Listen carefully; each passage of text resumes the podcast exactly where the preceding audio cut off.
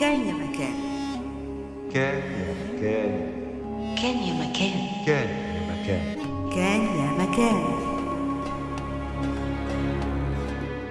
أهلا ومرحبا بكم. أنا منى الشايب وهذه متوالية كان يا مكان. حكايتنا اليوم هي الكسالى العشرة. قصة شعبية من تراث اوزباكستان ترجمة عبد الرحمن عبد الرحمن الخميسي.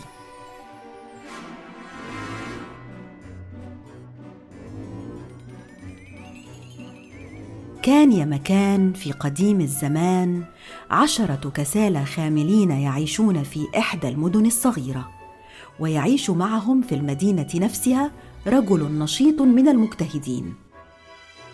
كان أصحابنا الكسالى يمتلكون بيتا في قلب السوق أما صاحبنا النشيط فقد عاش بعيدا في أقصى أطراف المدينة. كان الكسالى والنشيط يعملون جميعا في صناعة عربات اليد الخشبية لكن الكسالى كانوا دائما في حالة من الخمول والبلادة حتى إنهم طوال اليوم لم يصنعوا سوى عربة واحدة بالكاد.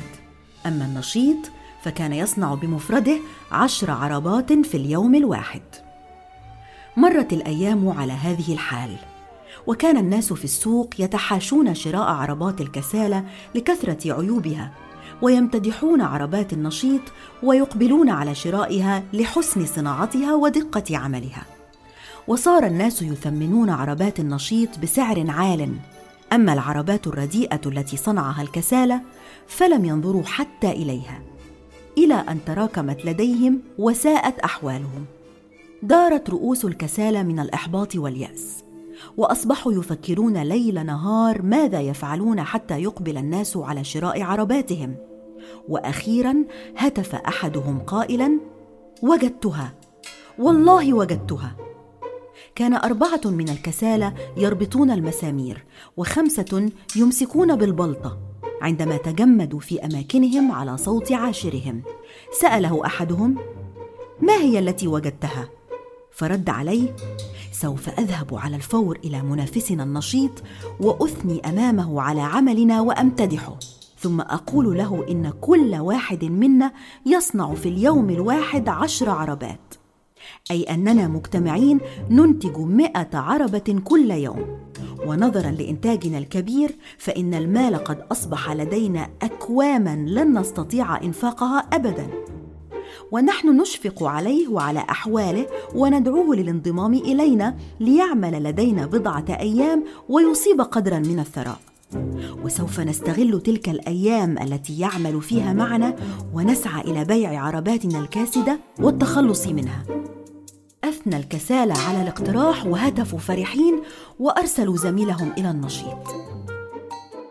عندما وصل الكسول إليه قدم له العرض وهو يقول يا أخي النشيط نحن نشفق عليك كثيرا فكر فيما تفعله. فأنت منذ طلوع الشمس حتى غروبها تكدح وتبذل عرقا وفيرا فلماذا ترهق نفسك وتعذبها بهذا القدر الكبير؟ إن كسرة من الخبز كافية لأن تشبع الجوع. وفر جهدك وانضم إلينا كي تربح أكثر. رفض النشيط عرض الكسول لكن الكسول لم ييأس وظل يلح ويعيد ويزيد في الإقناع والحديث حتى استسلم النشيط وقبل أن ينضم إليهم وهو يقول: حسنا إذا كان هذا هو المقدر لي فلأذهب معك. بدأ الكسالى والنشيط في العمل معا كان الحر شديدا فجلس الكسالى بلا عمل في ركن ظليل بعيدا عن لهيب الشمس. أما النشيط فقد ربط منديلا مبللا على رأسه ليحميه من الحرارة وظل ينشر ألواح الخشب ويبردها ويربط المسامير. واستمر يعمل ويعمل طوال اليوم بحماس كبير وبلا توقف. في المساء جفف النشيط عرقه وغسل وجهه ويديه وأخذ يعد العربات التي صنعها فكانت عشر عربات. أما الكسالى فلم يصنعوا جميعا سوى عربة واحدة. نظر النشيط والدهشة في عينيه لكنه التزم الصمت ولم يتكلم. ذهب الجميع إلى السوق لبيع العربات فلم يشتري أحد عربات الكساله وإنما تكالبوا حول عربات النشيط واشتروها جميعا. حاول النشيط أن يعلم الكسالى أصول الصناعة والدقة اللازمة لعمل العربات.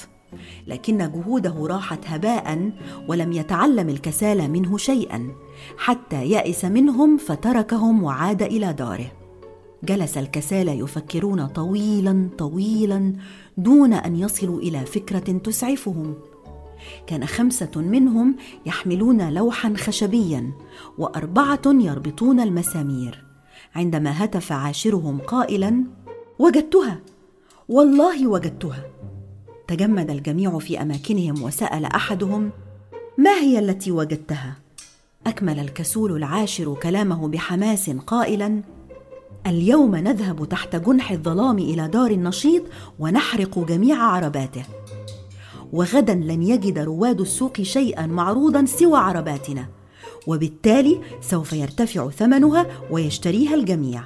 فما رأيكم في هذه الفكرة؟ رد الكسالى عليه وهم فرحون إنها فكرة عبقرية. عندما حل المساء اختبأ الكسالى بجوار دار النشيط حتى خرج من داره متجها إلى المدينة. حينئذ ذهبوا إلى مكان العربات المصنوعة وأشعلوا فيها النار حتى التهمتها عن آخرها. عاد النشيط إلى داره ورأى عرباته المحترقة فنظر بحسرة إليها وقال إن الحزن لن يعيدها إلى حالها. فلأنسى ما جرى وأبدأ في العمل على وجه السرعة كي أعوض ما ضاع وشرع النشيط في العمل بهمة وهو يغني بحماس. دفع الكسالى عرباتهم نحو السوق لبيعها. ومروا في الطريق على دار النشيط فوجدوه يعمل ويغني وهو في حالة من السعادة والحيوية. أصابتهم الدهشة والذهول وقالوا السلام عليك أيها النشيط. كيف حالك؟ هل تمضي الأمور على ما يرام? فأجابهم نعم إن كل شيء على ما يرام كما ترون. عادوا يسألونه لقد سمعنا أن عرباتك قد احترقت. هل هذا حقا ما جرى؟ فراح يجيبهم. نعم هذه هي الحقيقة. لقد كان ينبغي علي حرقها منذ زمن طويل لكنني كنت مشغولا.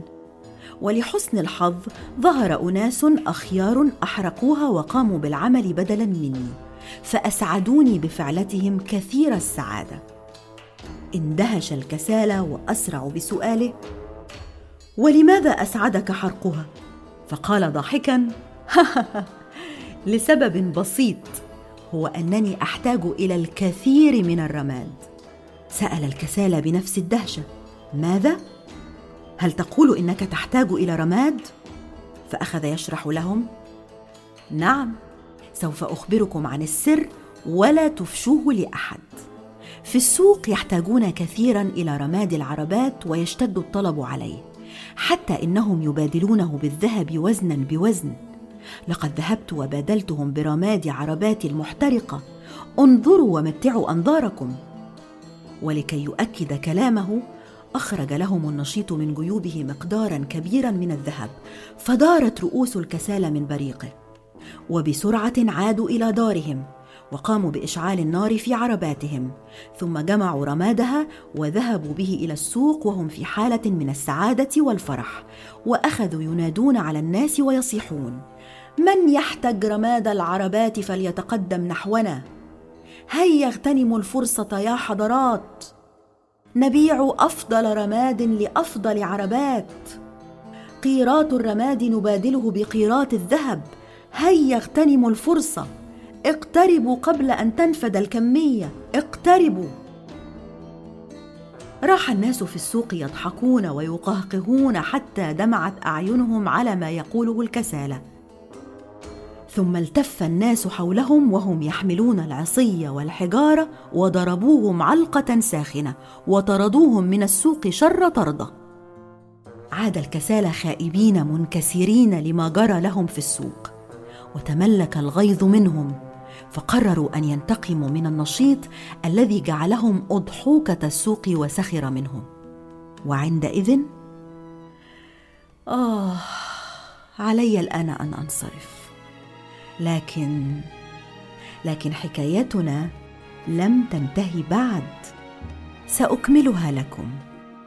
قريبا قريبا جدا. انتظروني. فإلى لقاء. كان يا مكان. رئيس التحرير عائشة المراغي. الهندسة الصوتية أحمد حسين. المنتج الفني شهرزاد.